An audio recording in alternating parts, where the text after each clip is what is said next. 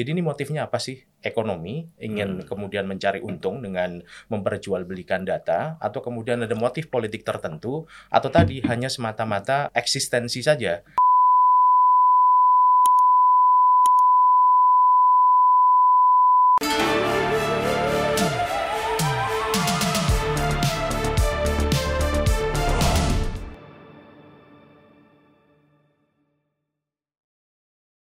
Assalamualaikum warahmatullahi wabarakatuh. Waalaikumsalam Eh, warahmatullahi wabarakatuh.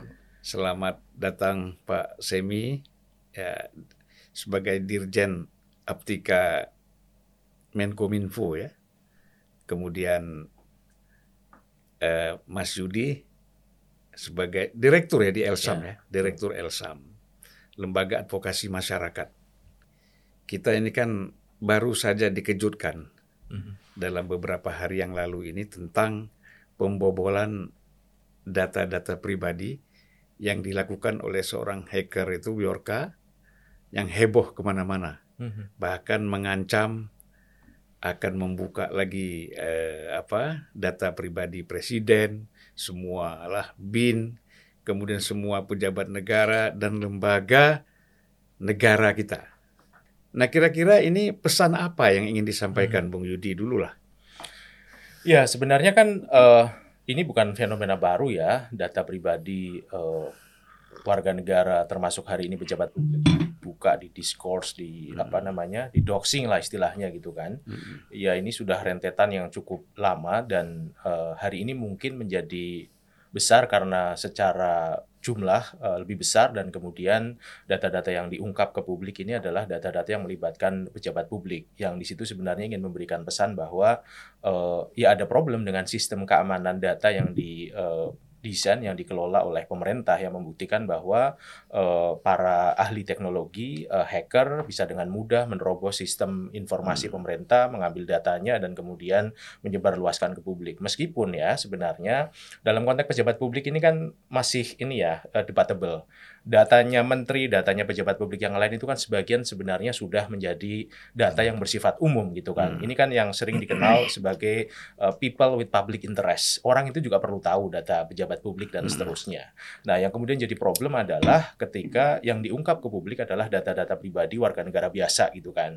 Nah, ini yang memang selama ini kalau dari kami di uh, masyarakat memang melihatnya belum ada satu proses yang tuntas dan akuntabel ketika misalnya ada satu insiden kebocoran data yang mengungkap data-data pribadi warga negara. Ini mungkin pesannya adalah eh, pemerintah tolong dong serius me, apa namanya melindungi data-data kami itu kan. Hmm. Kalau eh, Anda tidak ingin data Anda dibuka sedemikian rupa ya selesaikan kasus-kasus eh, kebocoran data, eh, pembukaan data yang selama ini terus terjadi itu kan paling tidak dalam tiga tahun terakhir lah dan kemudian eh, apa situasi itu tidak tidak apa namanya tidak muncul eh, terus-menerus gitu kan. Ini kan rentetannya kan sudah panjang gitu kan dan ini yang kemudian hari ini eh, baru ada satu langkah yang mungkin eh, lebih konkret ya ketika presiden mengatakan bentuk eh, satgas dan kemudian langsung ditindaklanjuti dengan eh, apa namanya pembentukan eh, satgas pembentukan task force di eh, Kementerian Koordinator Politik Hukum dan Keamanan ini. Apa ini apa sih apa Bjorka ini apa tidak hanya sekedar mungkin mencari sensasi ya lalu ingin menunjukkan lemahnya Ya. perlindungan data pribadi eh, pemerintah misalnya Mm-mm. apa hanya sekedar itu memang ada tujuan yang lebih jauh kalau Mas Yudi melihat ini Jadi gini ya, eh, dari rentetan kasus yang terjadi sebenarnya kan serangan terhadap sistem informasi atau sistem elektronik yang dikelola oleh pemerintah ini kan sudah banyak ya. Eh, bahkan BSSN sendiri itu kan pernah diserang. Untungnya sistemnya BSSN tidak mengelola data pribadi itu kan. Hmm. Tetapi kan sebelumnya Mabes Polri terkena serangan, Hmm. KPAI terkena serangan, Setnek terkena serangan, Setkap terkena serangan gitu kan. Dan beberapa di antaranya berhasil Hmm. kemudian mengambil data yang disimpan, yang dikelola, yang diproses di dalam sistem tersebut dan diungkap ke publik. Nah, yang jadi soal adalah eh, dari berbagai eh, rentetan serangan itu kita tidak Hmm. pernah tadi menemukan satu proses yang tuntas untuk kemudian menemukan motif.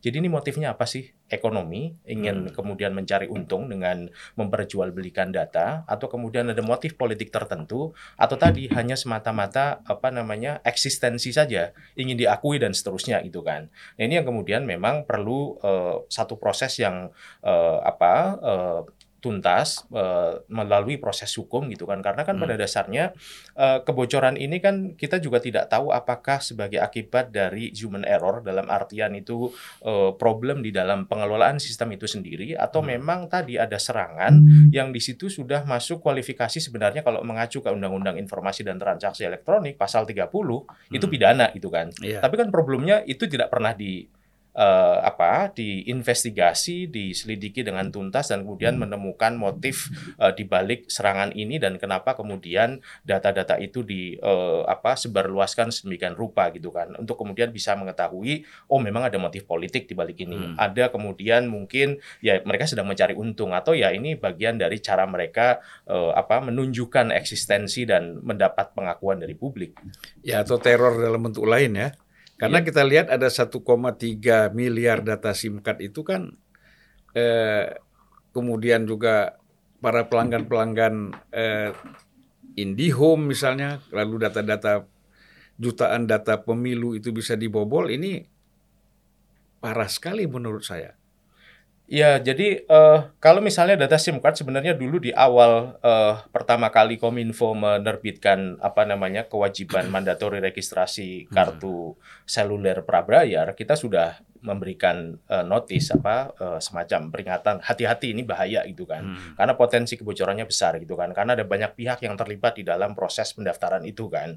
Eh, dulu kan dikatakan bahwa eh, apa operator misalnya dia hanya sebagai tempat lewat, istilahnya mungkin pemroses Hmm. data gitu kan. Yang kemudian data akan dikelola di pusat data nasional oleh Kominfo. Tapi kan di situ selain ada operator, ada Kominfo, ada proses verifikasi yang juga melibatkan kementerian lain ya. Ada kementerian dalam negeri gitu kan. Hmm. Untuk kemudian menentukan apakah betul nomor ini, nama ini, eh, NIK ini, tanggal lahir ini, alamat ini itu betul-betul terver- terverifikasi semuanya gitu kan. Nah itu ada banyak celah di situ. Nah ini yang kemudian mungkin eh, dalam beberapa hal, beberapa prosedur dan persyaratan yang semestinya dipenuhi untuk memastikan sistem keamanan dalam pemrosesan itu masih ada celahnya gitu kan. Mungkin Jadi, Pak Semi nanti bisa Ya, Mas, juga. berarti Mas Yudi melihat bahwa sebenarnya pembobolan ini biasa-biasa aja ya. Dan di dalam apa tidak terlalu berbahaya.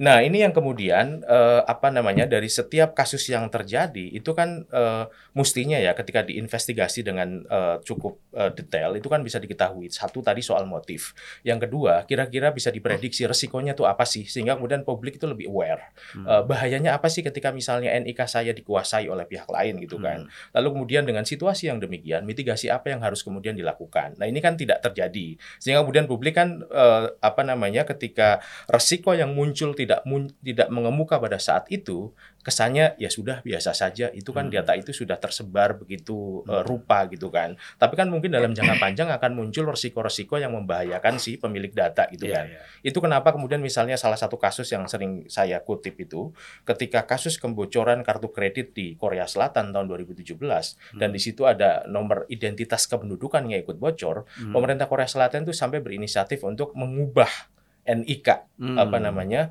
eh, yang di apa dimiliki oleh orang-orang yang datanya bocor tersebut karena salah satu yang bocor itu data presiden Korea Selatan dan Hmm. sekjen PBB pada saat itu Jak- Ban Ki-moon gitu kan jadi itu cukup serius eh, implikasinya ketika NIK itu sampai dikuasai oleh orang lain pada dasarnya Jangan-jangan nih Pak Semi eh, data-data para eselon 1 Kominfo sudah dirubah semua nicknya.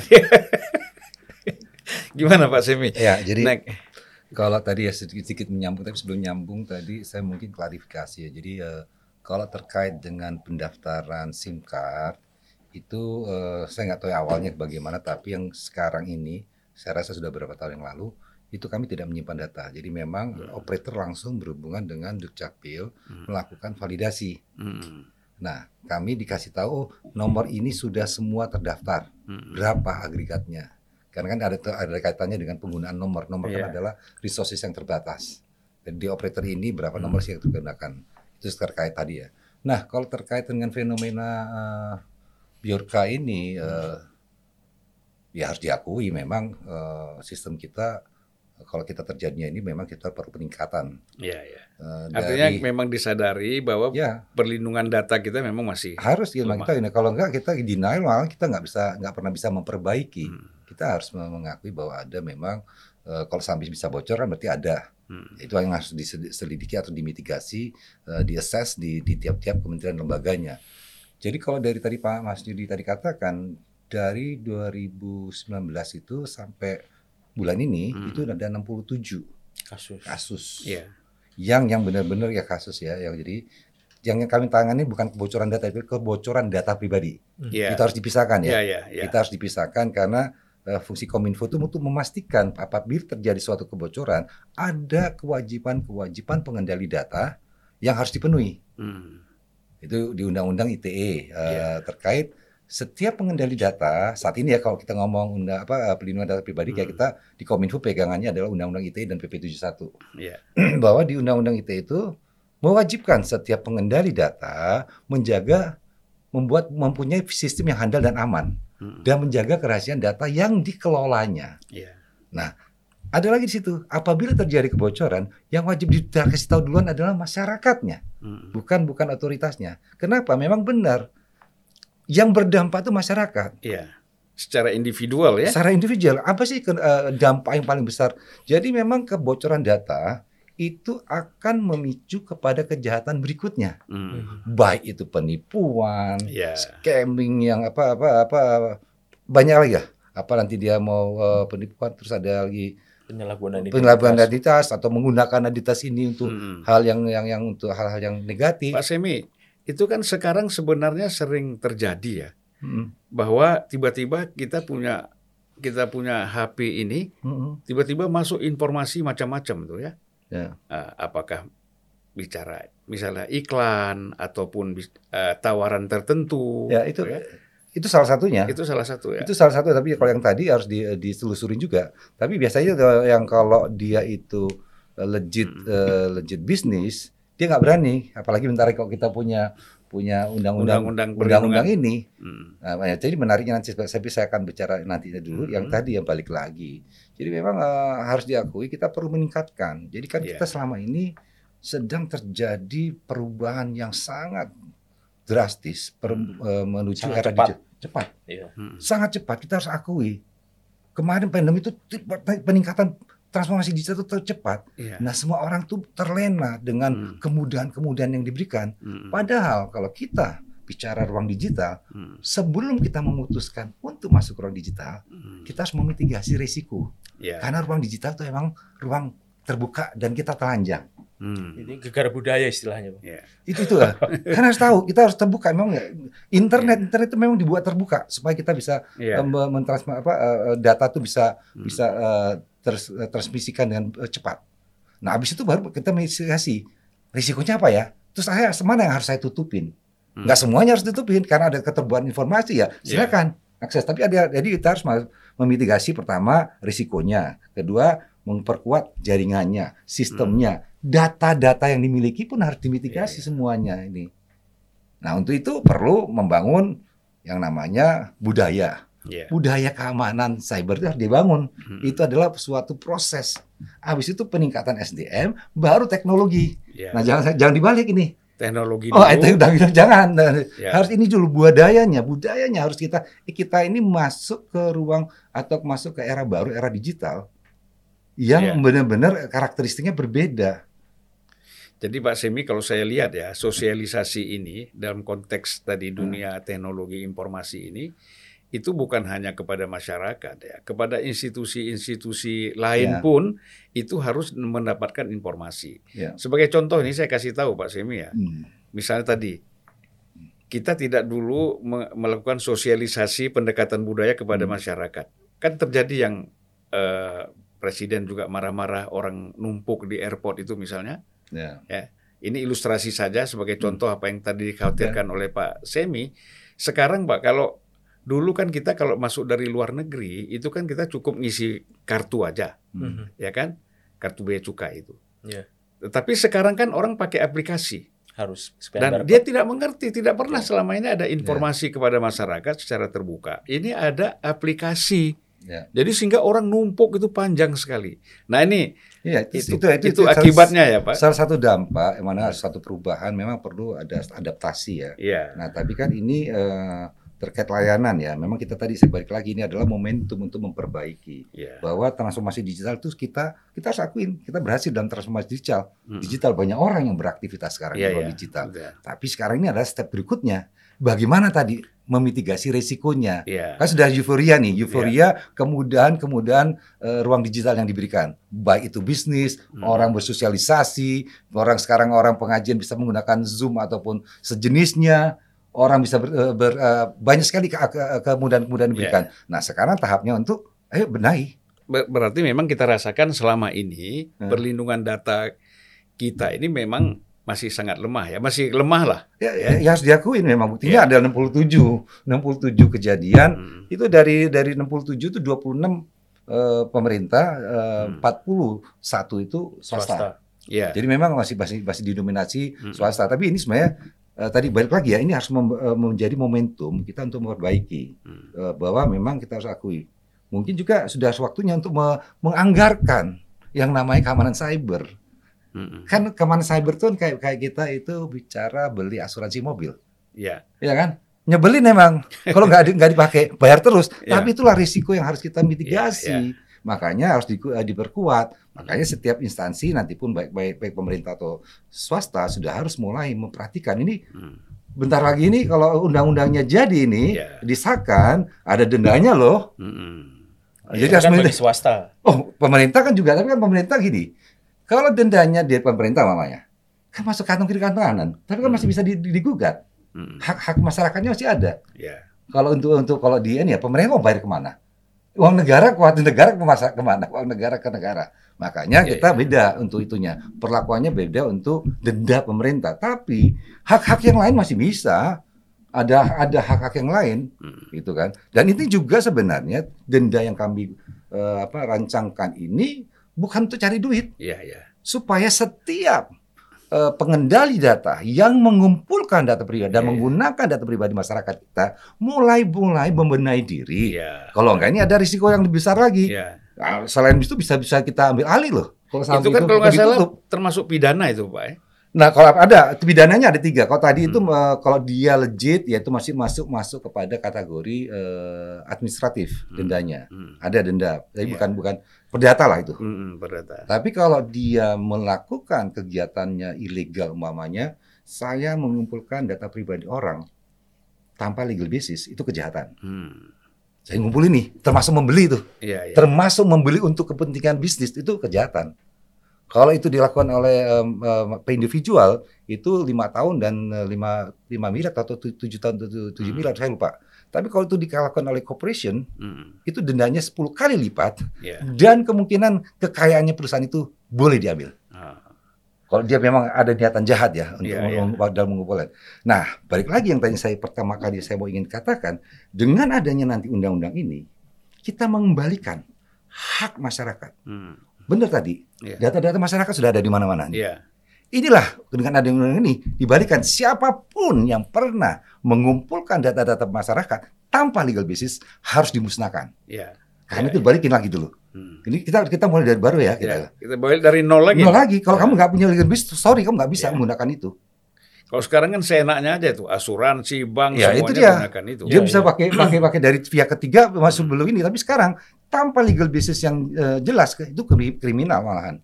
Jadi menurut Pak Semi ya, Hmm. eh, undang-undang perlindungan data pribadi ini udah artinya sudah bisa dimanfaatkan secara optimal untuk kita melakukan perlindungan data pribadi dari masyarakat Indonesia. Jadi kan memang eh, kan perlindungan kan ada tadi ya yang dilakukan oleh eh, pengendalinya, dia harus membenahi Iya. sistemnya, pasti harus ada payung hukumnya, Ya, ya kan? Hmm. Pasti ada pengawasannya. Karena pastinya tidak tidak bisa melindungi 100%, Hmm. tapi dengan adanya undang-undang ini, hak-hak masyarakat itu bisa eh, apa namanya didapatkan kembali. iya, di sini itu di situ. Jadi memang eh, apalagi kita ngomong cyber nggak ada yang bisa menjamin 100%. Tapi Hmm. dengan adanya undang-undang, dengan adanya Iya. SOP dan budaya digital yang bagus dan dengan teknologi yang bagus dan ada pengawasan mereduksi sangat signif- signifikan Hmm. akan mereduksi sangat signifikan. ya, Dan itu karena merubah juga apa mindset masyarakat dan bisnis juga ya. ya artinya dari segi kecemasan masyarakat bila ini memang sudah diputuskan, tinggal hmm. tunggu paripurna kan nanti ya. Ya, insya Allah dalam ya, waktu dekat. Ya, itu 76 pasal, saya baca itu 16 bab, ya. Cukup tebal juga. Tapi mungkin itu akan lebih efektif untuk swasta ya. Saya sih ya. masih pesimis ya kalau untuk hmm. pemerintah ya tadi ya. Karena kan memang eh, apa namanya? Meskipun swasta mengakui bahwa mereka juga belum siap dalam konteks hmm. penerapan uh, standar-standar hmm. perlindungan data gitu kan. Studi yang dirilis yeah. oleh uh, eh, ISD dan Kadin terakhir kan mengatakan 80% hmm. bahkan korporasi di Indonesia itu belum siap untuk yeah. uh, menerapkan standar perlindungan data pribadi itu kan. Hmm. Tapi mungkin kalau kita mau lacak pemerintah justru mungkin di, apa uh, tidak lebih siap daripada korporasi gitu kan. Hmm. Uh, apa uh, kita melihat ya kebocoran-kebocoran data yang terjadi belakangan yang tadi dikatakan Pak Semi ada 26 kasus yang yeah yeah. melibatkan institusi pemerintah. Padahal pemerintah sendiri kan kalau kita baca ya, presiden itu tahun 2018 itu kan mengeluarkan Perpres nomor 95 tahun 2018 tentang sistem pemerintahan berbasis elektronik. elektronik. Salah hmm. satu pembicaraannya itu tentang sistem keamanan dan hmm. perlindungan data. Hmm, yeah. Nah, di situ uh, kelihatan sekali bagaimana kemudian seluruh tahapan dan prosedur uh, dan juga persyaratan yang diminta oleh Perpres 95 2018 itu ya belum cukup konsisten diterapkan oleh pemerintah sendiri ya hmm. oleh institusi pemerintah gitu kan. Dan uh, yang lain adalah kalau membaca kerangka undang-undang PDP meskipun tadi Pak Simi mengatakan terbuka celah untuk menggunakan gugatan perdata misalnya terhadap hmm. uh, pemerintah terhadap uh, kementerian terhadap lembaga gitu kan tetapi kalau melihat uh, apa uh, gradasi sanksinya tadi ya dari sanksi administrasi denda administrasi sampai hmm. kemudian pidana yang paling mungkin itu kan administrasi ya hmm. Yeah. administrasi yang kita juga belum tahu nanti detailnya akan seperti apa gitu kan apakah hmm. semata-mata dikirimi surat peringatan oleh uh, lembaga pengawas perlindungan data kepada hmm. kementerian tertentu atau kemudian sampai kemudian mengacu pada undang-undang administrasi administrasi pemerintahan bahwa hmm. pejabatnya bisa diturunkan, bisa didemosi atau seperti apa, kita belum tahu gitu kan. Karena kan logika denda yang uh, administrasi ya yang diatur di dalam uh, undang-undang PDB nantinya itu kan logika korporasi sesuai dengan pendapatan gitu kan 2% hmm. maksimal 2% dari pendapatan. Hmm. Nah, saya dulu membayangkan sebenarnya kalau korporasi bisa 2% dari total pendapatan, bisa nggak misalnya lembaga pemerintah tahun anggaran berikutnya potong maksimal 2% gitu kan pakai logika begitulah gitu kan. Oke, yeah. pendapatannya pemerintah ini kan anggaran gitu kan dari mm -hmm. negara gitu kan. Bisa nggak kalau misalnya mereka dikurangi anggarannya gitu kan? Meskipun nanti pasti akan ada alasan lagi ya. Kami bagaimana akan menerapkan sistem perlindungan data pribadi yang kuat kalau anggarannya dipotong kira-kira kan hmm. begitu gitu kan. Nah, tapi kan eh, praktek di banyak negara ada juga yang yeah. kemudian menerapkan sampai di apa namanya didenda gitu kan atau kemudian dipotong anggarannya kan. Inggris misalnya kan otoritas pemerintah bahkan bisa didenda meskipun uangnya masuk lagi ke negara gitu yeah. kan. Tapi kan itu memotong anggaran mereka gitu kan. Sementara pidana itu kan hanya mungkin diterapkan terhadap eh, apa namanya orang perseorangan dan korporasi gitu kan. Karena kan rumusan pidana di dalam undang-undang PDP ini agak beda dengan undang-undang ITE gitu kan. Hmm. Dia bukan uh, barang siapa tapi setiap orang. Nah, ya. setiap yeah. orang ini dimaknai sebagai orang perseorangan, natural person dan korporasi gitu yeah. kan. Artinya ya badan publik akan lepas dari itu gitu kan. Nah, hmm. meskipun ada beberapa rumusan yang menurut saya masih uh, problematis dan kemungkinan itu juga uh, muncul penafsiran yang beragam ya, misalnya dalam konteks pasal 65 dan 67 hmm. tentang pidananya, uh, hmm. di situ kan ada pembukaan data ya pribadi yang melawan hukum yang semena-mena. Hmm. Padahal yang dianggap melawan hukum itu kan sepanjang dia tidak memenuhi legal basis yang enam ya, hmm. uh, apa namanya konsen, lalu kemudian uh, apa uh, uh, legitimate interest ya kepentingan yang sah, hmm. lalu kemudian kontrak, lalu kemudian kewajiban hukum, lalu kemudian vital interest dan apa namanya public tax ya kepentingan hmm. publik itu kan berarti logikanya bisa dipidana. Nah, ini yang kemudian jadi pertanyaan. Uh, saya memberikan nomor HP-nya Pak Semi ke hmm. Bang Zulfan, hmm. nggak ada konsen saya gitu kan. Hmm. Pak Semi kebetulan sedang marah ke saya gitu kan. Hmm. No ini melawan hukum dia nggak ada konsen membuka data pribadi saya gitu kan. Hmm. Nah itu yang kemudian uh, memunculkan tanda tanya. Ini hmm. kira-kira akan multitafsir atau tidak penerapannya gitu kan? Iya dari undang-undang ini. Dari ya? undang-undang ya? ini ya. gitu kan. Berarti harus pen perlu penjelasan lebih detail dari dari peraturan pemerintahnya ya atau keputus ya peraturan nah, sayangnya ya. pidana ini kan agak sulit kemudian untuk dirumuskan secara lebih detail di dalam peraturan pemerintah hmm. karena kan pidana kan apa yang terbaca di undang-undang ya harus jelas harus clear tidak hmm. ada penafsiran lain gitu kan nah. masalahnya kan begitu kan belum lagi kemudian yang uh, sering kali saya uh, singgung kan soal uh, efektivitas uh, lagi-lagi ya penerapan sanksi terhadap institusi pemerintah karena kan lembaga pengawas perlindungan data ini kan bagian dari kekuasaan eksekutif. Ya saya membayangkan mungkin akan seperti BSSN atau akan seperti hmm. BPOM atau atau akan seperti mungkin yang paling kuat itu PPATK sebenarnya. Jadi hmm. saya dulu berpikir minimal itu seperti PPATK gitu kan. Hmm. Tapi kira-kira mungkin atau enggak nantinya Perpresnya ini akan mendesain sekuat itu gitu kan. Yeah, yeah. Nah, ini kan lagi-lagi sangat tergantung itikat baik presiden kan Artinya, kan nantinya kan. Nanti kalau uh, lembaga ini tidak mempunyai otoriti eksekusi, ini kan juga lemah kan?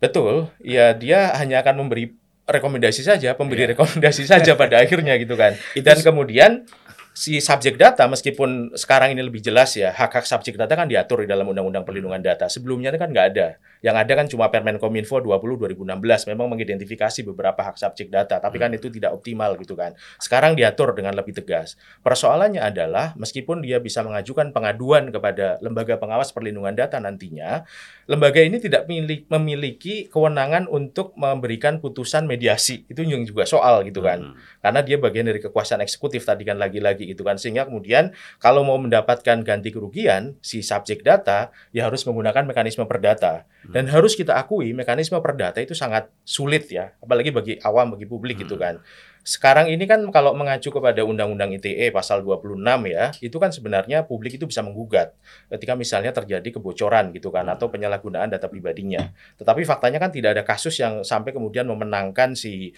uh, apa publik ya, si warga negara yang merasa dirugikan uh, dengan menggunakan mekanisme perdata yang diatur di dalam ketentuan pasal 26. Apalagi kalau mengacu kepada peraturan Mahkamah Agung tentang gugatan sederhana, itu kan yang bisa diganti dimintakan ganti rugi itu kan hanya ganti rugi material. Nah, ganti rugi material dalam konteks kebocoran data itu kadang sangat sulit untuk bisa kita sulit, ya. membuktikan gitu kan. Jadi memang masih ada banyak sekali hambatan, kendala hmm. gitu kan. Ya semoga sih nanti sembari jalan bisa ditemukan ya kira-kira hmm. apa sih yang uh, paling mudah ya. Ini kan kita mencari yang paling mudah untuk hmm. si uh, subjek data kira-kira ya, ya. Ya Pak Semi kita kan hmm. melihat bahwa apa pembobolan data ini ini kan masih terus terjadi ini. Ya, ya. kemudian eh, kita masih bertumpu kepada undang-undang yang sebentar lagi akan diputuskan. Ya. Nah, tapi tentu kan kita harus apa yang harus dilakukan, apa atau apa yang dilakukan untuk sementara ini undang-undang ini belum ada. Setelah kejadian ini, kira-kira upaya apa yang dilakukan? Ya, kalau upaya ya tadi pengawasannya ya, karena kembali lagi, pertama pengawasannya peningkatan tadi ya uh, awareness uh, masyarakat termasuk bisnis uh, bisnis dan pemerintah yang hmm. mengumpulkan data pribadi ya mereka sudah harus mulai membenahi diri bahwa sekarang tidak ada risikonya loh. Hmm. Nah itu jadi memang dari situ memang ini kalau saya lihat ya sekarang saya kan juga kumpul-kumpul dengan teman-teman dari cyber security ya. Hmm. Memang diakui ini adalah momentum untuk membangkitkan masyarakat kita. Eh dunia digital memberikan kemudahan, tapi kamu juga harus menjaga iya, keamanan yeah. gitu. Sama kan kayak rumah kan harus ada CCTV-nya, ah. harus ada gemboknya. Nah, ini juga berlaku juga di dunia digital. Nah, kalau uh, sambil menunggu ya tadi uh, semuanya lagi membenahi diri, ya ikutin hmm. ini, ini di dalam di undang-undang ITE-nya maaf masalahnya belum ada bisa dikenakan sanksi yeah, yeah. denda. Kemarin kami coba merumuskan walaupun sudah dibahas akhirnya kan dibatalkan karena undang-undang ini keluar. Uh, undang-undang keluar, bukan hmm. hanya undang-undang keluar, nggak apa-apa nggak keluar, cuma uh, apa namanya ya ada ada keberatan dari uh, dari dari uh, ekosistem lah. Hmm. Jadi kita yeah. oke okay, kita tunda aja nih. Nah harapannya sih segera ini apa undang-undang ini, karena undang-undang ini sebenarnya uh, memberikan satu reference tunggal hmm. yang mudah dipahami kalau sekarang ini banyak banyak hmm. banget nanti tanya, tanya Mas Wahyudi aja. Banyak yeah. sekali. Jadi orang juga bingung yang mana yang mau dipakai yeah. gitu. Ini menjadi kebingungan. Nah, uh, terkait apa pidana tadi ya, emang pidana cuma tiga kita ya dari pasal 65 ancamannya di 67. Iya. 65, 66, 67, 65 ada tiga ya dari 65 iya. sampai 65 66 67 itu. Iya benar 65 uh, Nah, itu apa aja? Jadi mamanya menggunakan data pribadi orang itu hmm. pelanggaran. Mengungkapkan tapi dalam hal ini maksudnya doxing. Jadi bukannya mengungkapkan kamu transfer kepada hmm. saudara atau ini ya. Karena kan tentu anu apa itu lebih ke arah etika ya. Hmm. Ini udah bentuknya masif. ungkapkan atau dia diungkapkan kayak doxing orangnya saya kemarin termasuk yang doxing. Iya, iya. Saya sih saya, data saya sih sudah sudah terbuka juga. Iya, karena iya. saya pejabat publik saya terbuka. Cuman Cuma pengguna- capek aja. Iya. Ngapus apa report and block report block. Karena kan tiba-tiba ribuan Iya. Iya, iya.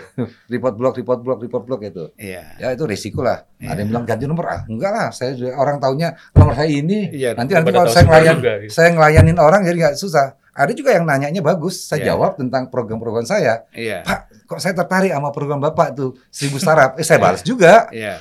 Eh, Terus jadi kalau tahu nomornya. dia enggak dia dia dia, dia, dia- jadi Oh. saya baca dulu juga mereka Iya. pokoknya Pak Pak terus ada ini ini ya saya langsung delete aja report delete tapi yang ada yang eh, komunikasi walaupun saya nggak Iya. kenal saya balas juga Padahal Pak Semi ini sebagai Dirjen Aptika di Kominfo ini tukang blok. ya, enggak kalau ini enggak lah Makanya tapi secara pribadi dia tidak mau melakukan itu.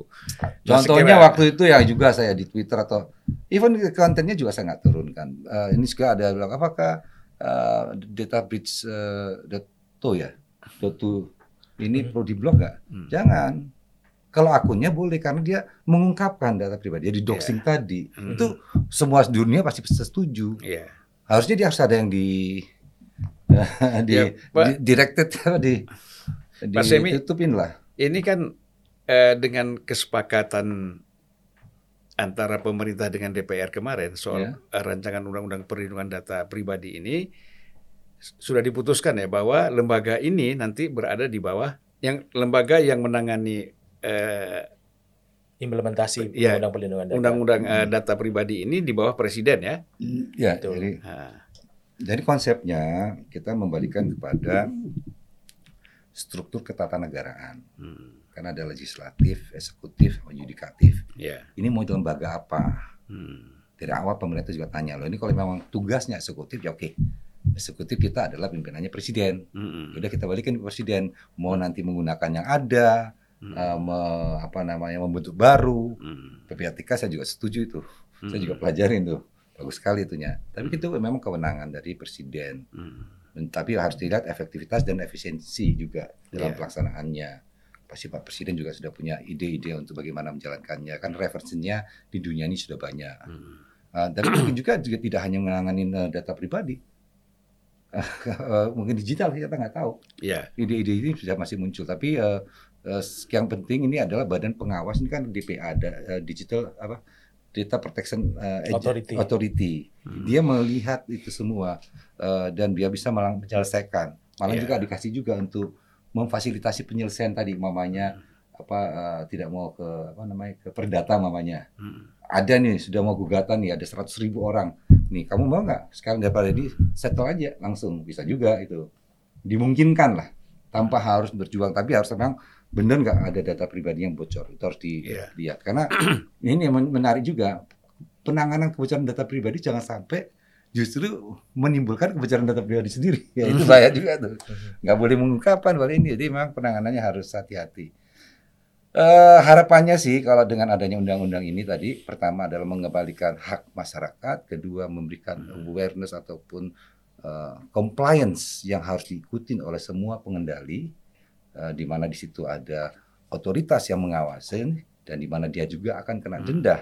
Nah, ini saya rasa ini akan sedikit apa saya saya rasa ini akan merubah eh, peta perlindungan data pribadi kita ya Hmm. karena orang mulai mulai oh iya saya harus harus segera untuk membenahi diri karena waktunya cuma dua tahun tuh Hmm. Transisinya. transisinya transisi itu bukan berarti bahwa undang-undangnya baru berlaku dua tahun Iya, undang-undangnya langsung berlaku tapi ada masa transisi terutama terkait yang bagi eh, pengendali data untuk menyiapkan menyiapkan dirinya standar kepatuhannya Iya, iya, gitu kan. kepatuhannya tapi yang yang yang yang pidananya sudah langsung ber- ber- berlaku Ya, artinya bagi yang tadi orang mengumpulkan data pribadi orang itu tidak perlu nunggu dua Nggak tahun, perlu. dia harus karena segera. ada ada pa- apa, apa pasal ininya pasal pidananya Mm-mm. Jadi mengumpulkan data pribadi dengan cara yang tidak sah Hmm. dan untuk apalagi untuk ke- keuntungan eh, atau keuntungan dia atau orang lain itu pidana.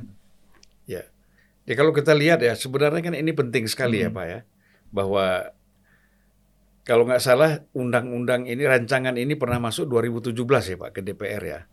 Belum pernah kalau ke Belum, ke DPR. DPR belum. Belum ya? Di, DPR di antara kita kita Iya. pernah. Saya Oh. pada sebelum saya di pemerintah juga ngobrolnya sama Mas Yudi sudah Iya. sudah cukup lama. Secara resmi itu baru 2020, Bang. 2020 masuk prolegnas. Masuk Ya. ke DPR, dikirim ke DPR oleh presiden. Ah. Kalau masuk prolegnas itu sejak tahun 2014 memang sudah masuk Hmm. sebenarnya. Tapi baru eh, selesai di pemerintah itu lima tahun dari 2014 sampai 2019 di Kominfo ya selesai 2020 dikirimkan ke DPR awal 2020 Hmm. eh, tadinya mau dibahas tapi ada pandemi kan mundur Hmm. di bulan Juli baru mulai pembahasan Hmm. dan kemudian baru berakhir sekarang. Sekarang. Ini terasa lama di pembahasan ini atau atau ni- ini apa cepat ini? Ya sebenarnya di banyak negara yang namanya pembahasan undang-undang pelindungan data itu memang lama. Lama. Oh. Jadi Indonesia ini butuh waktu hampir Sembilan Iya. tahun. Iya, Brazil itu juga 10 tahun menyelesaikan Iya. undang-undang pelindungan datanya Iya, dan iya. salah satu yang paling kontroversial itu soal lembaga memang ini di mana-mana jadi perdebatan Yang gitu kan. India aja menarik India- dealnya malahan. India ya, India gagal pada Gagal. akhirnya karena eh, apa namanya eh, DPR-nya, eh, Kongresnya Hmm. mereka tidak mau menggunakan eh, rancangannya pemerintah, mereka membuat Mau rancangan baru dan sekarang masih eh, deadlock di sana belum Hmm. belum belum terjadi itu kan. Hmm. Negara yang paling cepat membahas rancangan undang-undang pelindungan data itu China. Ya. Hmm. Tapi ya secara politik tentu berbeda situasinya ya. Langsung Eh, setuju. kali. langsung setuju di sana gitu kan kira-kira dan hanya berlaku bagi swasta kalau di Iya. sini kan memang harus menegosiasikan di antar kementerian belum kemudian dengan swasta dan eh, Hmm. seterusnya gitu kan tapi eh, kalau saya mengatakan bahwa ya rancangan undang-undang ini meskipun ada banyak catatan ya tadi terkait dengan otoritas terkait Hmm. dengan penerapan sanksi dan seterusnya secara umum sih dia sudah mengikuti standar-standar perlindungan data pribadi yang berlaku secara internasional gitu kan Eh, misalnya dalam konteks definisi data pribadi, eh, dasar Iya, iya. hukum pemrosesan data pribadi, bagaimana hak-hak dari subjek data, bagaimana kewajiban dari pengendali dan pemroses data, bagaimana data itu dipertukarkan dan seterusnya gitu kan. Sudah Tapi sangat detail ya dari ya itu sudah pasal-pasal yang Ya, ada. dan kalau kita juga mem- mendapat masukan banyak loh. Itu bukan Iya. bukannya dari asalnya dari pemerintah langsung jadi kayak gitu. Iya, iya. Dari NGO kita terima, Hmm. dari akademisi, dari se- private sector. Hmm. Jadi memang suatu proses. Ini karena harus hati-hati nih. Karena impactnya banyak sekali. Hmm. Masyarakat, ke bisnis, ke pemerintah. Jadi kita harus me- me- bisa me- me- menyerap semua aspirasi. Ya tapi ada aspirasinya memang kita juga harus sesuaikan dengan sistem eh, ketatanegaraan kita gitu. Iya, iya. Tapi se- secara substansi yang lainnya kita adopsi, kita mengadopsi setiap masukan. Iya. Makanya tadi Pak eh, Mas Mayudi bilang sudah mendekati dengan sudah hampir sama malah sama GDPR selain da- dari DPA-nya ya. iya iya. Nah, Jadi poin penting dari undang-undang itu, eh, undang-undang ini ya, eh, yang membuat betul-betul masyarakat itu merasa secure gitu. Itu kira-kira poin pentingnya itu di mana ini, Pak? Kalau saya pertama ya deklaratif negara bahwa data pribadi itu adalah hak asasi dan melekat pada masyarakat itu adalah satu. Eh, jadi masyarakat sudah harus tahu. Iya. Jadi wah itu punya saya. Hmm. Saya memberikan itu untuk kamu melayani saya lebih Iya. baik. Ya. bukan untuk makanya beda konsep uh, uh, European sama ini ya apa dengan dengan GDPR dengan CBPR beda ya kalau uh, CBPR kan lebih menekankan Economic ekonomi interest, economic interestnya kalau di GDPR pada fundamental, fundamental rights. right fundamental right Mm-mm. nah kita itu cenderung ke GDPR tapi masih mengakomodir uh, yang namanya CBPR terutama untuk cross bordernya Hmm. cross bordernya kita memberikan opsi-opsi yang yang cukup uh, Pak, ini perlu dijelaskan ini C, apa CDVR tadi. CBPR itu CBPR. ah.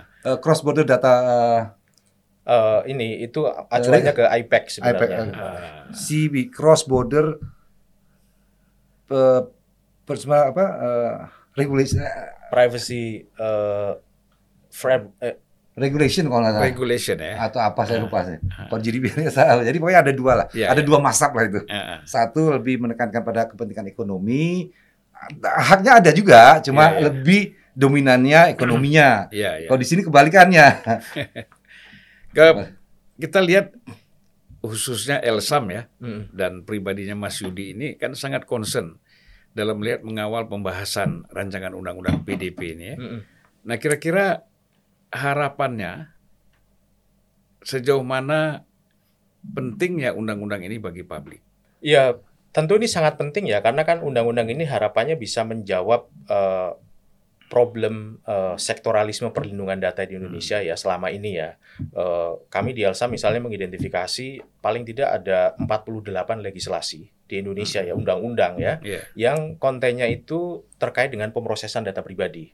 Nah, sayangnya dari berbagai macam legislasi tadi, definisi data pribadinya pun beragam, beda-beda satu dengan yang lain. Belum kemudian dalam hal eh, apa namanya dasar hukum pemrosesan. Terus bagaimana kemudian pemrosesan dilakukan. Nah, celakanya lagi dari berbagai legislasi tadi itu belum mengatur hak subjek data itu apa sih gitu kan. Apa sih yang harus dilindungi dari si subjek datanya ini gitu kan. Jadi kesannya kita hanya sebagai ya kita subjek tapi hanya diambil saja, bukan Ya. subjek jadi objek gitu kan. Iya. Nah, nah sekarang kan kita ingin mengembalikan bahwa subjek data inilah yang memegang kontrol atas data pribadinya. Nah, ini kan yang sebenarnya membedakan antara rezim perlindungan data pribadi dengan rezim-rezim hukum yang lain dan terutama IPR ya, intellectual property rights gitu kan. Jadi hari ini yang namanya data sovereignty, kedaulatan data itu kan harus dimaknai sebagai self determination ya, hak dari si subjek data untuk mengontrol data pribadinya, dia diproses oleh siapa pun dan dia diproses di mana pun. Ya. Jadi mau data kita diproses di Cina, mau data kita diproses di Eropa, mau diproses di Amerika, mau diproses di Singapura, kita tetap pegang kontrol gitu kan. Hmm. Mau diproses oleh perusahaan Indonesia, mau diproses oleh perusahaan Amerika, kita pegang kontrol gitu kan.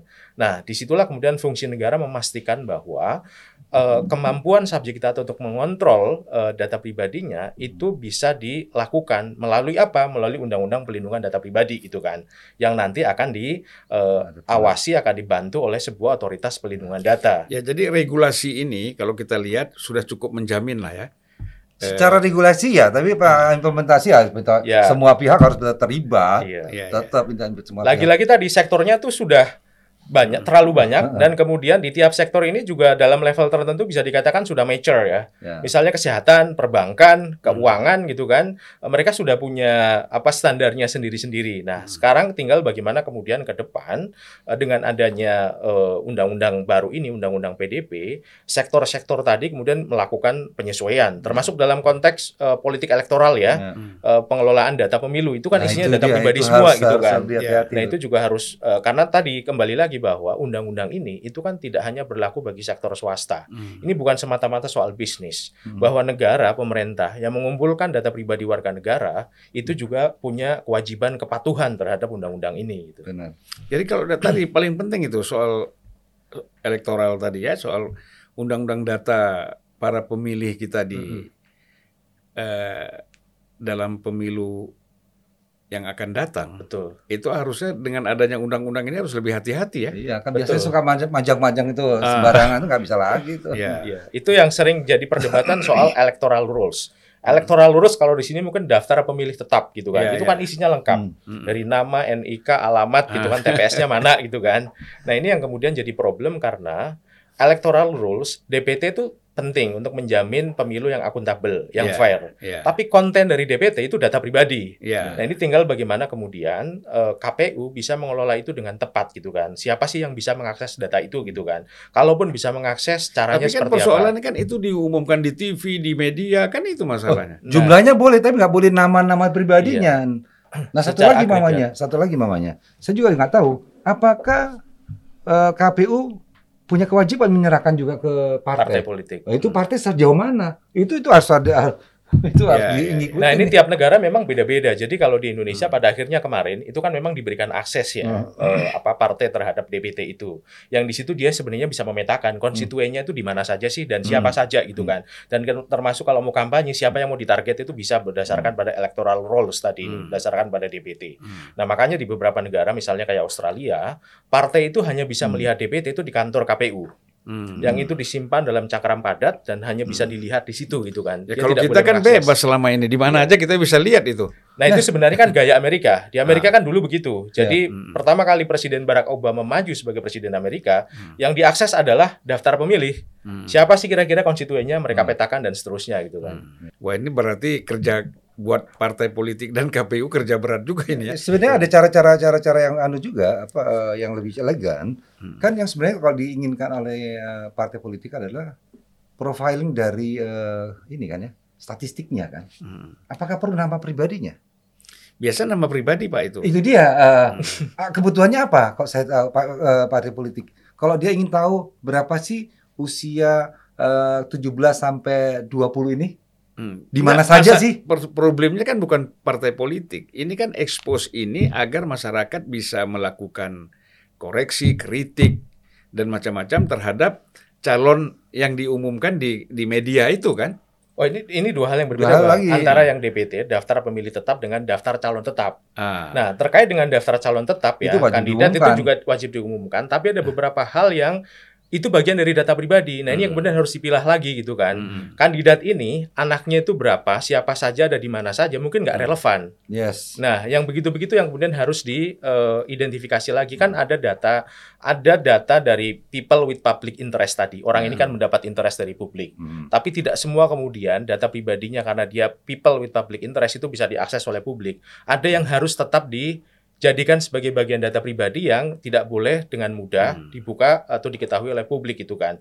Ini kan soal perdebatan pada public information right, hak Hmm, publik atas ya. informasi dengan kecurigaan, curiosity itu kan. Di satu lagi nih kita lihat, misalnya sekarang kan orang gampang mengakses eh, apa tuh websitenya KPK untuk melihat LHKPN. LHKPN itu termasuk nggak dalam perlindungan dalam undang-undang ini? Nah ini yang Ya. saya juga bertanya-tanya sebenarnya, Nah. karena di dalam Undang-Undang PDP, data keuangan pribadi itu dikualifikasikan sebagai data sensitif. Hmm. Meskipun itu bisa menjadi Ya. dikecualikan kalau ada peraturan perundang-undangan yang mengecualikan itu gitu kan. Ah, Ya semoga dimaknainya begitu, Yes. artinya pejabat publik tetap bisa Yes, atau tetap benar. harus menyerahkan Jadi LHKPN. itu hal yang Enggak, kalau menyerahkan kan nggak ada masalah. Tapi kan ini kan sekarang orang bisa mengaksesnya ke websitenya gitu kan. Ya. Jadi misalnya Pak Semi gajinya berapa, penghasilannya berapa, punya apa, punya Ya. apa kan itu orang bisa tahu kalau buka Jadi eh, benar tadi katakan Mas Wahidi bahwa itu eh, termasuk yang tidak boleh, tapi dikecualikan ada.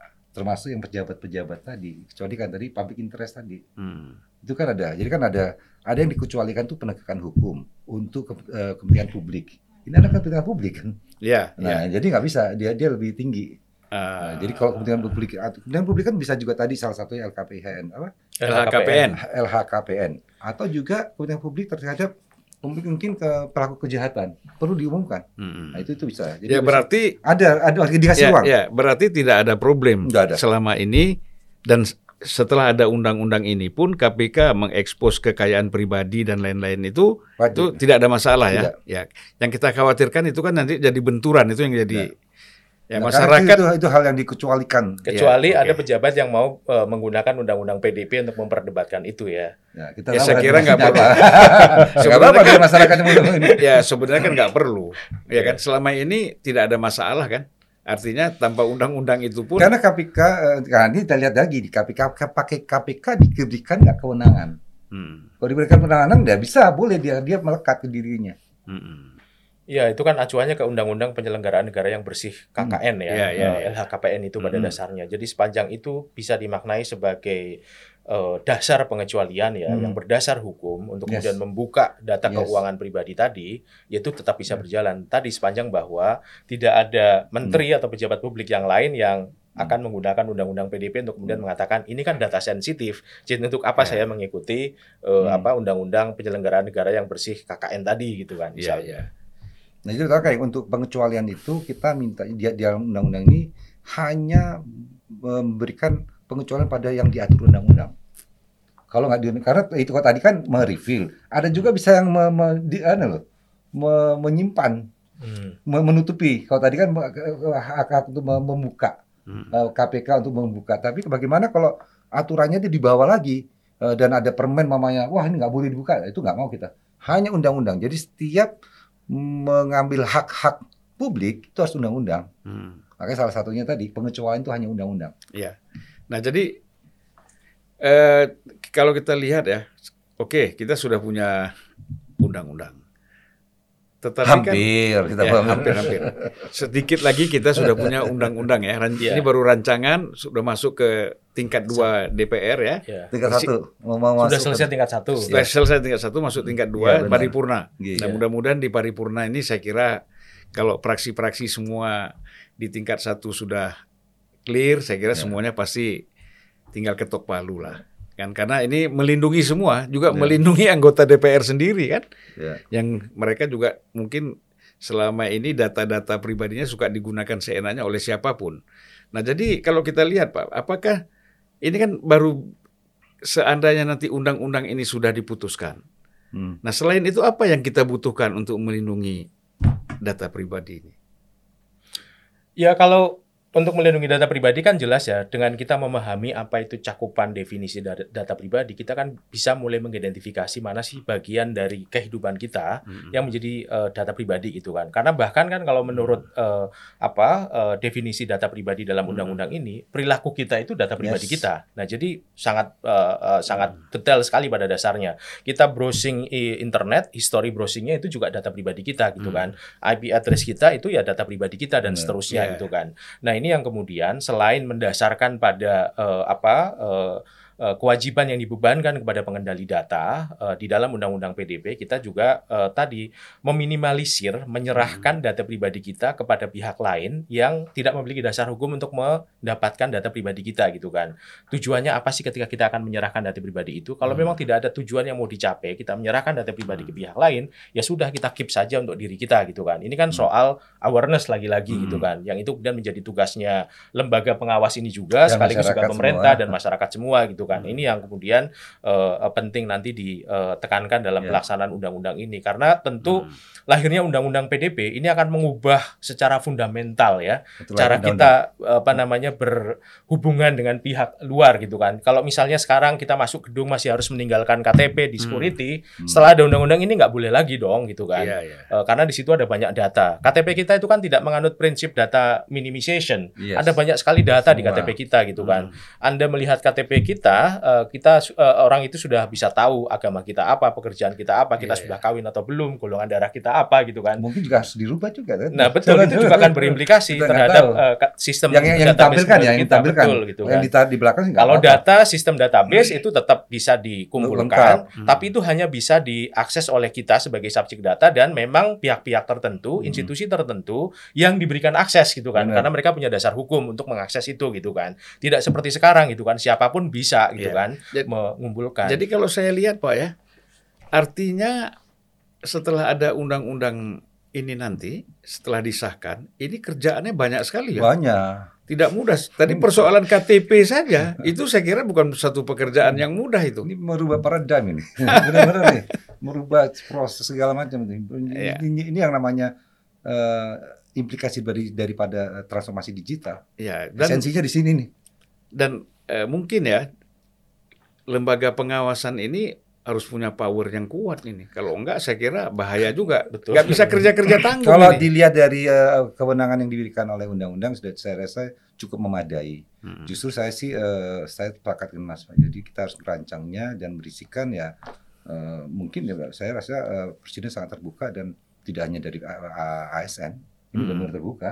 Ya, Orang-orangnya kan kan kita sudah mulai eh, terbiasa untuk merekrut eh, bukan ASN dalam sebuah lembaga di pemerintahan. tapi kan begini Pak Semi ini, biasanya kan kita terus terang aja masih eh, beririsan dengan wewenang-wewenang yang ada apakah kejaksaan ataupun kepolisian misalnya. Ya. Ya, artinya kan kalau ada case-case gini, ini kan biasa tidak semudah itu kita menyelesaikannya. Hmm. Nah, apakah ini nanti masih langsung eksekusinya oleh lembaga ini, katakanlah seperti KPK atau PA PPATK misalnya, atau ini harus dibawa lagi ke kepolisian, reskrim misalnya, ini kan panjang lagi. Jadi eh, kalau lembaga ini sangat sangat jelas dia hanya mengatur eh, mengawasin yang administratifnya. Hmm. Jadi compliance eh, Iya. tentang kepatuhan. Begitu menya- menyangkut dengan pidana ya sudah kepolisian Oh. dan ke- kejaksaan. Eh, jadi dia eh, tapi juga dikasih eh, kewenangan lagi untuk memfasilitasi kalau Hmm. di antara para yang bersengketa itu mau me- Hmm. melibatkan si lembaga ini. Jadi kita walaupun bisa bisa selesai di situ kan kalau sengketa kan harus dua-duanya harus agree kan. Iya, iya, iya. Iya kan? Dia kan sudah ada arbitrase, ada yang, yang lainnya atau di luar pengadilan sil- silakan. Jadi kalau dilihat dari eh, kewenangan dan tugasnya sih sudah cukup memadai dan tidak ada irisan karena eh, dia Iya, iya. nggak bisa masuk ke eh, ke mana namanya ke polisi apa ke ke eh, kriminalnya. Iya. Kriminalnya ya udah kejaksaan ini. Malahan di undang-undang ini apabila lembaga ini perlu bantuan hukum dia bisa menunjuk kejaksaan Iya. untuk perdatanya. Dan Umpamanya kan didenda nih kamu bayar-bayar nih. Hmm. Nah, misalkan di atau digugat ya digugat, gugatnya maksudnya eh, jadi begini eh, satu bahwa dia tidak masuk ke ruang pidana. Tapi uh, idealnya hmm. semua proses pidana yang dilakukan oleh uh, kepolisian ataupun kejaksaan hmm. basisnya adalah hasil penyelidikan dari si uh, lembaga ini. Hmm. Jadi kan yang secara teknis bisa memahami oh kebocorannya begini nih. Yeah. Ya. Uh, datanya sekian besar hmm. melibatkan ini semua gitu kan eh, lalu kemudian resikonya ini semua mitigasinya adalah dengan cara menghentikan pemrosesan ya. oleh si otoritas ini oleh si lembaga pengawas ini nah dari proses penyelidikan ternyata ditemukan oh ini pidana nih ada pihak lain yang masuk hmm. mencoba menguasai sistem ya. nah dari situ kemudian baru diserahkan kepada kepolisian Kepolisi. ini sebenarnya untuk memastikan bahwa jangan sampai ada satu kasus ini semua institusi masuk semua nah, iya. malah nggak jadi jadi kayak kasus-kasus sebelumnya misalnya oh di kominfo sudah melakukan ini, kepolisian mengumumkan sendiri, nanti mana lagi hmm. mengumumkan sendiri itu nggak jadi. Yeah. Jadi harus hmm. dibuat betul-betul bertingkat. Nah, ini yang kemudian harus ada kesepahaman antara si yeah. lembaga ini nantinya dengan kepolisian. Jadi hmm. kepolisian itu hanya bekerja ketika memang otoritas ini mengenukan ada yeah. dugaan unsur pidana gitu kan. Hmm. Jadi silakan kepolisian untuk menindaklanjuti gitu yeah. kan. Terus kemudian tadi yang dikhawatirkan kan dia kan memutuskan denda administrasi nih uh, korporasi A hmm. didenda satu persen misalnya hmm. atau satu setengah persen atau berapa yeah. miliar rupiah misalnya ini kan keputusannya keputusan administrasi hmm. kan jadinya hmm. kan karena dia sebagai institusi hmm. eksekutif yang itu masih mungkin digugat ke PT Tun jadinya hmm. kan yeah. dibawa ke PT Tun uh, sebagai sebuah keputusan administratif hmm. nah ini yang kemudian yang nanti menjadi problematis ketika putusannya adalah putusan PT Tun itu adalah kan soal eksekusinya sering kali gitu kan. Hmm, hmm. Nah ini yang saya nggak tahu apakah eksekutornya tadi misalnya minta bantuan kejaksaan atau akan seperti apa. Kejaksaan. Ini juga problem. Nah yang repot kan memang yang yang subjek data pada umumnya ini kan. Tadi hmm. Pak Simi mengatakan dia bisa memfasilitasi, tapi kan dia tidak bisa atau tidak memiliki hmm. kewenangan hmm. untuk melakukan mediasi. Problemnya di situ. Hmm. Jadi mau tidak mau harus dibawa ke ADR kan, hmm. alternatif dispute resolution gitu kan, entah melalui arbitrase, melalui mediasi yang dilakukan oleh siapa gitu kan. Tetapi eh, yang saya harapkan adalah kalaupun eh, misalnya subjek data harus melakukan proses gugatan eh, sendiri hmm. untuk mendapatkan ganti kerugian hmm. melalui gugatan sederhana di pengadilan perdata, hmm. dia mestinya bisa memberikan asistensi hukum. Hmm. Karena yang punya otoritas untuk bisa membuktikan bahwa oh dia betul korban, bahwa hmm. datanya telah dibocorkan dan seterusnya. Dia kan, hmm. kan uh, si si lembaga ini, bukan yeah. si kita kita sendiri gitu kan. Hmm. Uh, sementara kan dalam hukum acara perdata kita hari ini itu kan prinsipnya siapa yang mendalilkan dia harus membuktikan. Hmm. Problemnya kalau kita ingin membuktikan sendiri masuk ke dalam sistem itu pidana juga kalau mengacu kepada ketentuan pasal 30 Undang-Undang ITE. Hmm. Jadi ketika dia mendalilkan dirinya sebagai korban yang datanya bocor, mestinya yang memberikan Otoritas. keterangan itu adalah si lembaga pengawas. Lembaga pengawas. Gitu kan. ya. Berarti ini ya. selama ini kan kalau kita contohkan sebagai kominfo ya misalnya hmm. itu kan eh, mendapatkan dulu eh, penegasan dari kepolisian bahwa ada hal-hal yang memang perlu dilakukan langkah-langkah eh, pencegahan ya hmm. yang itu kan eh, kebalikannya kalau sekarang itu justru lembaga pengawas ini yang menyampaikan informasi ke kepolisian ya Pak Sim. Sebenarnya ke, eh, sama saja sih sekarang juga harusnya memang kan tadi tanggung jawab penuh itu ada di pengendali atau controller. Hmm. Jadi kalau ada apabila ada ke, kebocoran, kontrol itu harus segera uh, hmm. di uh, kesempatan pertama begitu dia kasih tahu, hmm. announce dulu, eh saya ada kebocoran. Habis itu dia mitigasi atau hmm. melakukan pengamanan. Dan masyarakat yang terdampak harus segera dikasih tahu karena bisa merugikan. Nah, di situlah otoritas dalam hal ini Kominfo masuk hmm. untuk memastikan tadi. Yeah, yeah. Jadi begitu sudah ada ada yang bertanggung jawab umamanya Contohnya ada beberapa kasus yang besar itu kita tangani. Oh ya itu data saya. Ya kita masuk. Tolong isi. Bagaimana langkah-langkah kamu? Bagaimana perlindungan terhadap uh, subjek datanya? Hmm. Nah itu dia mengisi. Nah, habis itu kita kita masuk bersama baru lihat. Oh ini oh ternyata ada memang kamu prinsip-prinsipnya lemah. Itu kita kasih rekomendasi untuk perbaikan dan ada sanksi untuk menaati uh, yeah. rekomendasi kita. Sampai situ aja sekarang ini. Hmm. Memang sekarang harusnya memang aparat itu nanti maksudnya apakah uh, yang yang masuk ini ada dari orang dari luar undang-undang ITE. Yeah. Uh, apa akses uh, illegal akses ya. Yeah. Uh, kalau apakah ada orang dalam? Nah, itu aparat masuk berikutnya. Hmm. Jangan jangan dulu masuk. Iya, yeah. Jadi Pak Semi ada satu kerjaan besar lagi ini.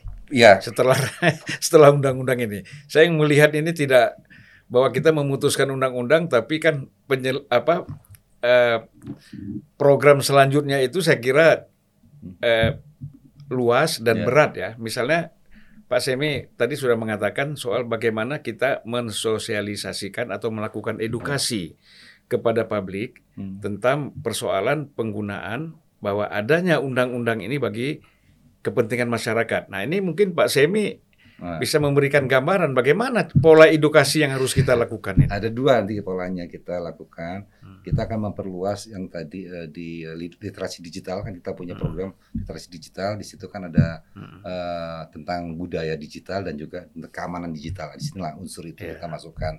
Tapi yang juga nggak kalah pentingnya selain dari masyarakat adalah pelaku usaha hmm. dan juga uh, uh, pemerintahan.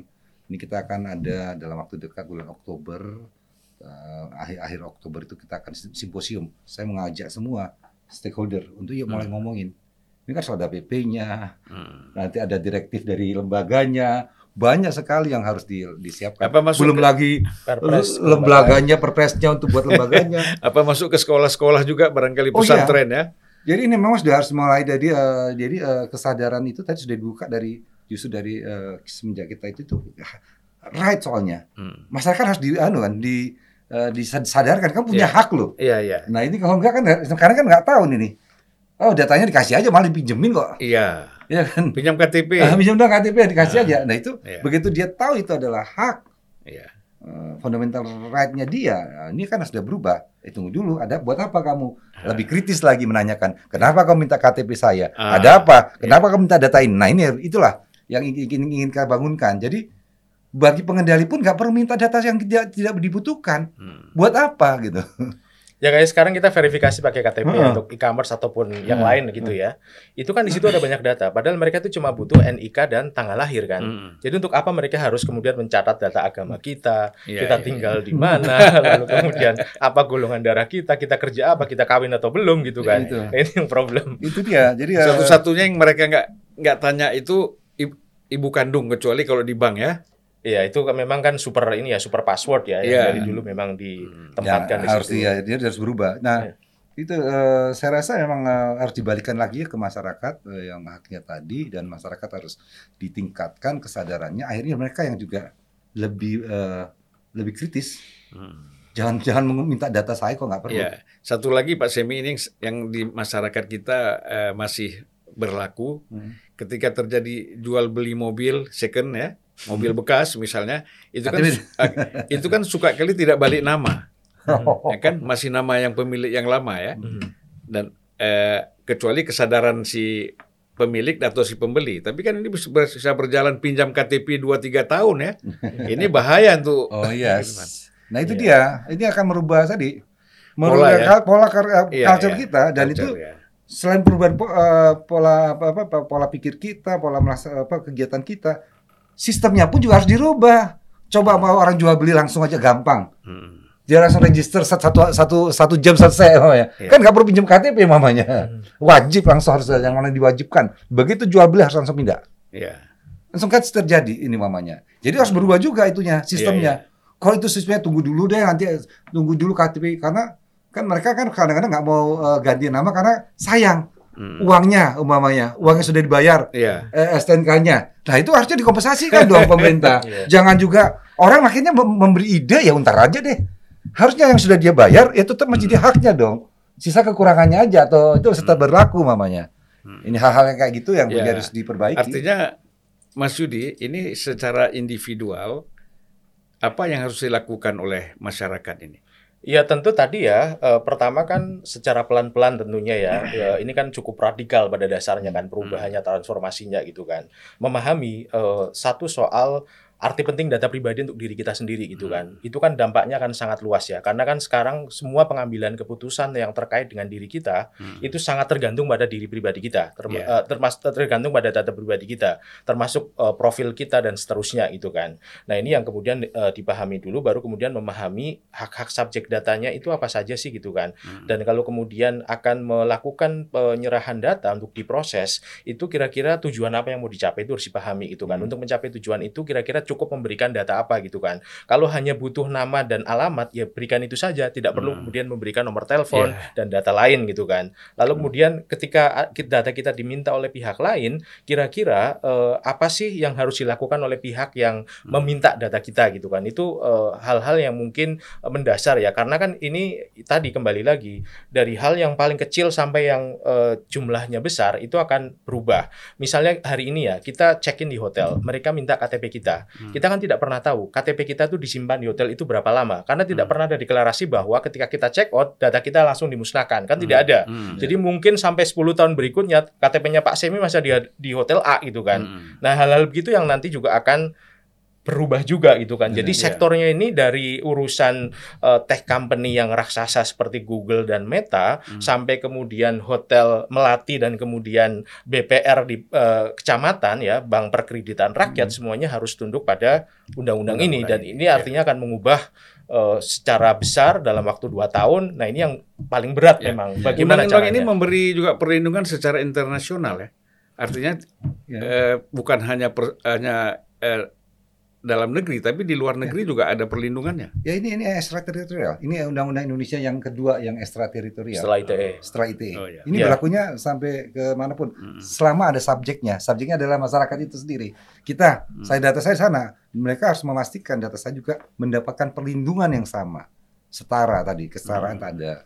Eh, Ya jadi ini ya, jadi memang eh, ini memang konsep baru yang saya rasa juga tapi ya memang harus kerja bareng. ya, pemerintah menyiapkan dirinya, nanti bisnisnya juga, masyarakat juga. Nanti kita news apa bagaimana implementasinya Ya, dua ya. tahun setelah undang-undang disahkan ya.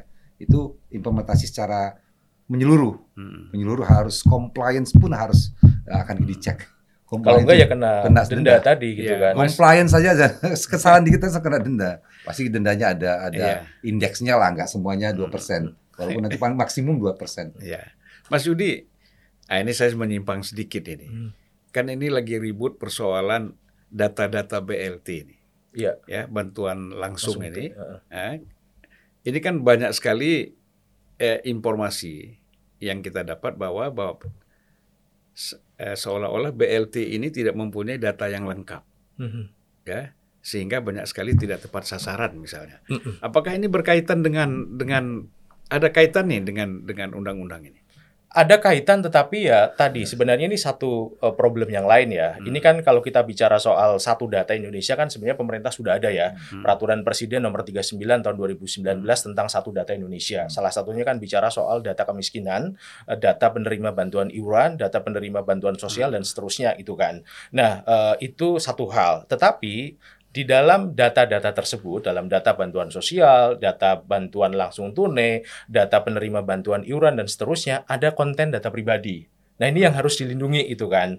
Bagaimana kemudian misalnya Kementerian Sosial sebagai penanggung jawab dalam konteks penyediaan data bantuan sosial itu juga memastikan perlindungan data pribadi dalam pengelolaan data tersebut gitu kan. Artinya eh, ini tidak hanya berlaku bagi Kominfo dan Kemendagri yang mengelola data kependudukan, Kementerian Sosial yang mengelola data kemiskinan juga harus menjalankan undang-undang pelindungan data pribadi gitu kan. Karena ini kan, kan ini saya potong sedikit ini kan Mm-mm. berkaitan dengan apa yang disampaikan oleh eh, Rike ya Rike Diah Pitaloka hasil riset dia ketika membuat disertasi tentang persoalan data ini Mm-mm. dia kan meneliti bahwa menunjukkan bahwa data-data itu banyak sekali yang tidak tidak lengkap atau sama sekali kurang gitulah.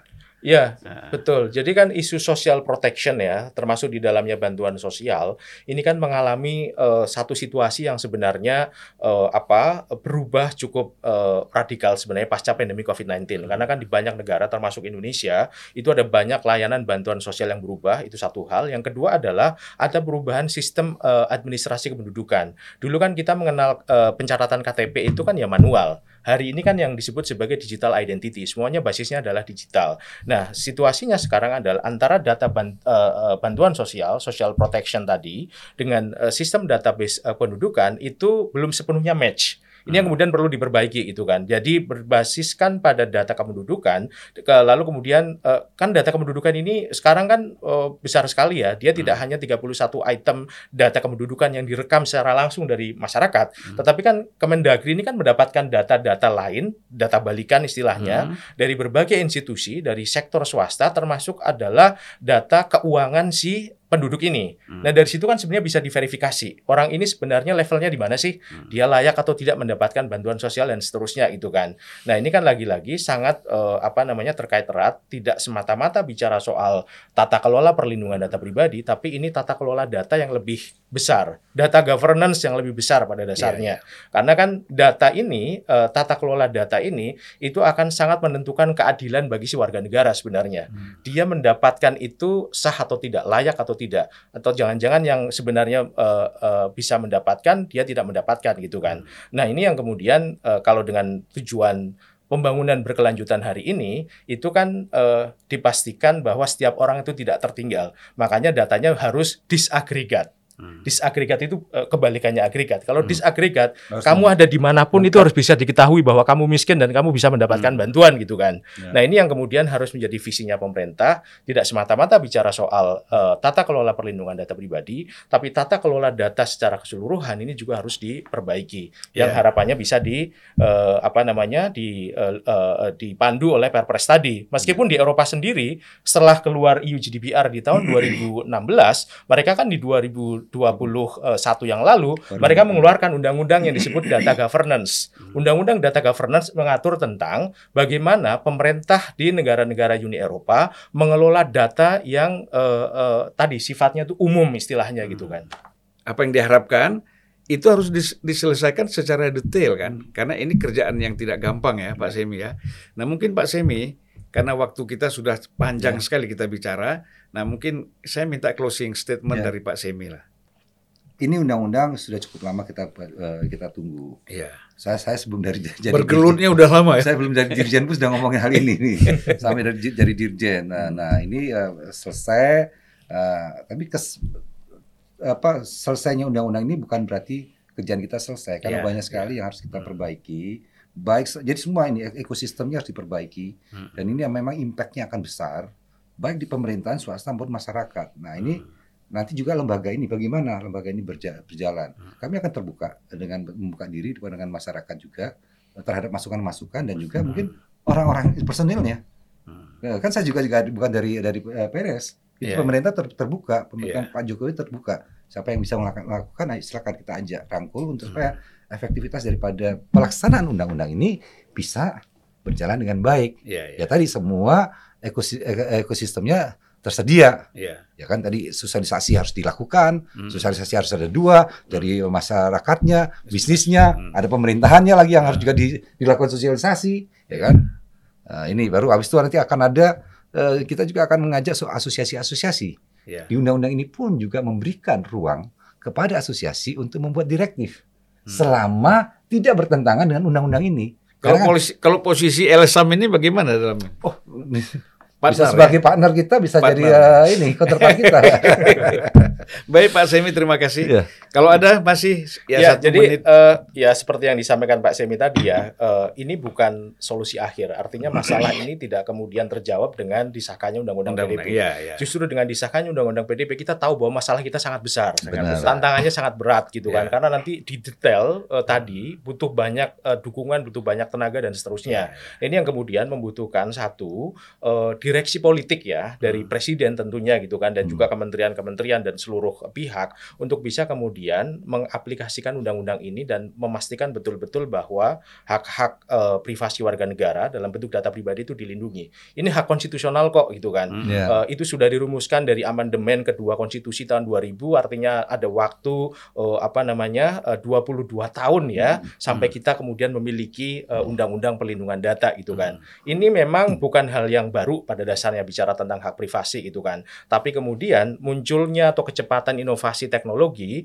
uh, itu telah uh, mengubah uh, begitu cepat tentang apa itu definisi luang lingkup tentang data pribadi, tentang apa itu privasi. Dulu mungkin kita tidak memikirkan ini gitu kan. Privasi itu apa sih? Hmm. Dulu orang Indonesia mengatakan privasi itu kan konsepnya orang Eropa yang dibawa hmm. ke sini. Hmm. Meskipun pada dasarnya kita punya konsep itu, tapi hmm. kita tidak pernah kemudian mengelaborasi dan menempatkan diri apa hmm. sesungguhnya privasi itu. Nah, sekarang ya. kita karena kecepatan teknologi tadi kita ya dalam tanda kutip ya dipaksa untuk kemudian ya. memahami dan melindungi ya. itu. Ya baik Pak Semi, kemudian eh, Mas Yudi, kami mengucapkan banyak terima kasih ya. Insya Allah kita bisa ketemu lagi ya, dan ini luar biasa. Saya kira manfaatnya bagi anak muda, orang tua dan semuanya saya kira besar sekali untuk mereka memahami eh, privasi dan kemudian hak azazinya sebagai warga negara. Terima kasih Pak. Terima kasih. Assalamualaikum. Terima kasih. warahmatullahi wabarakatuh.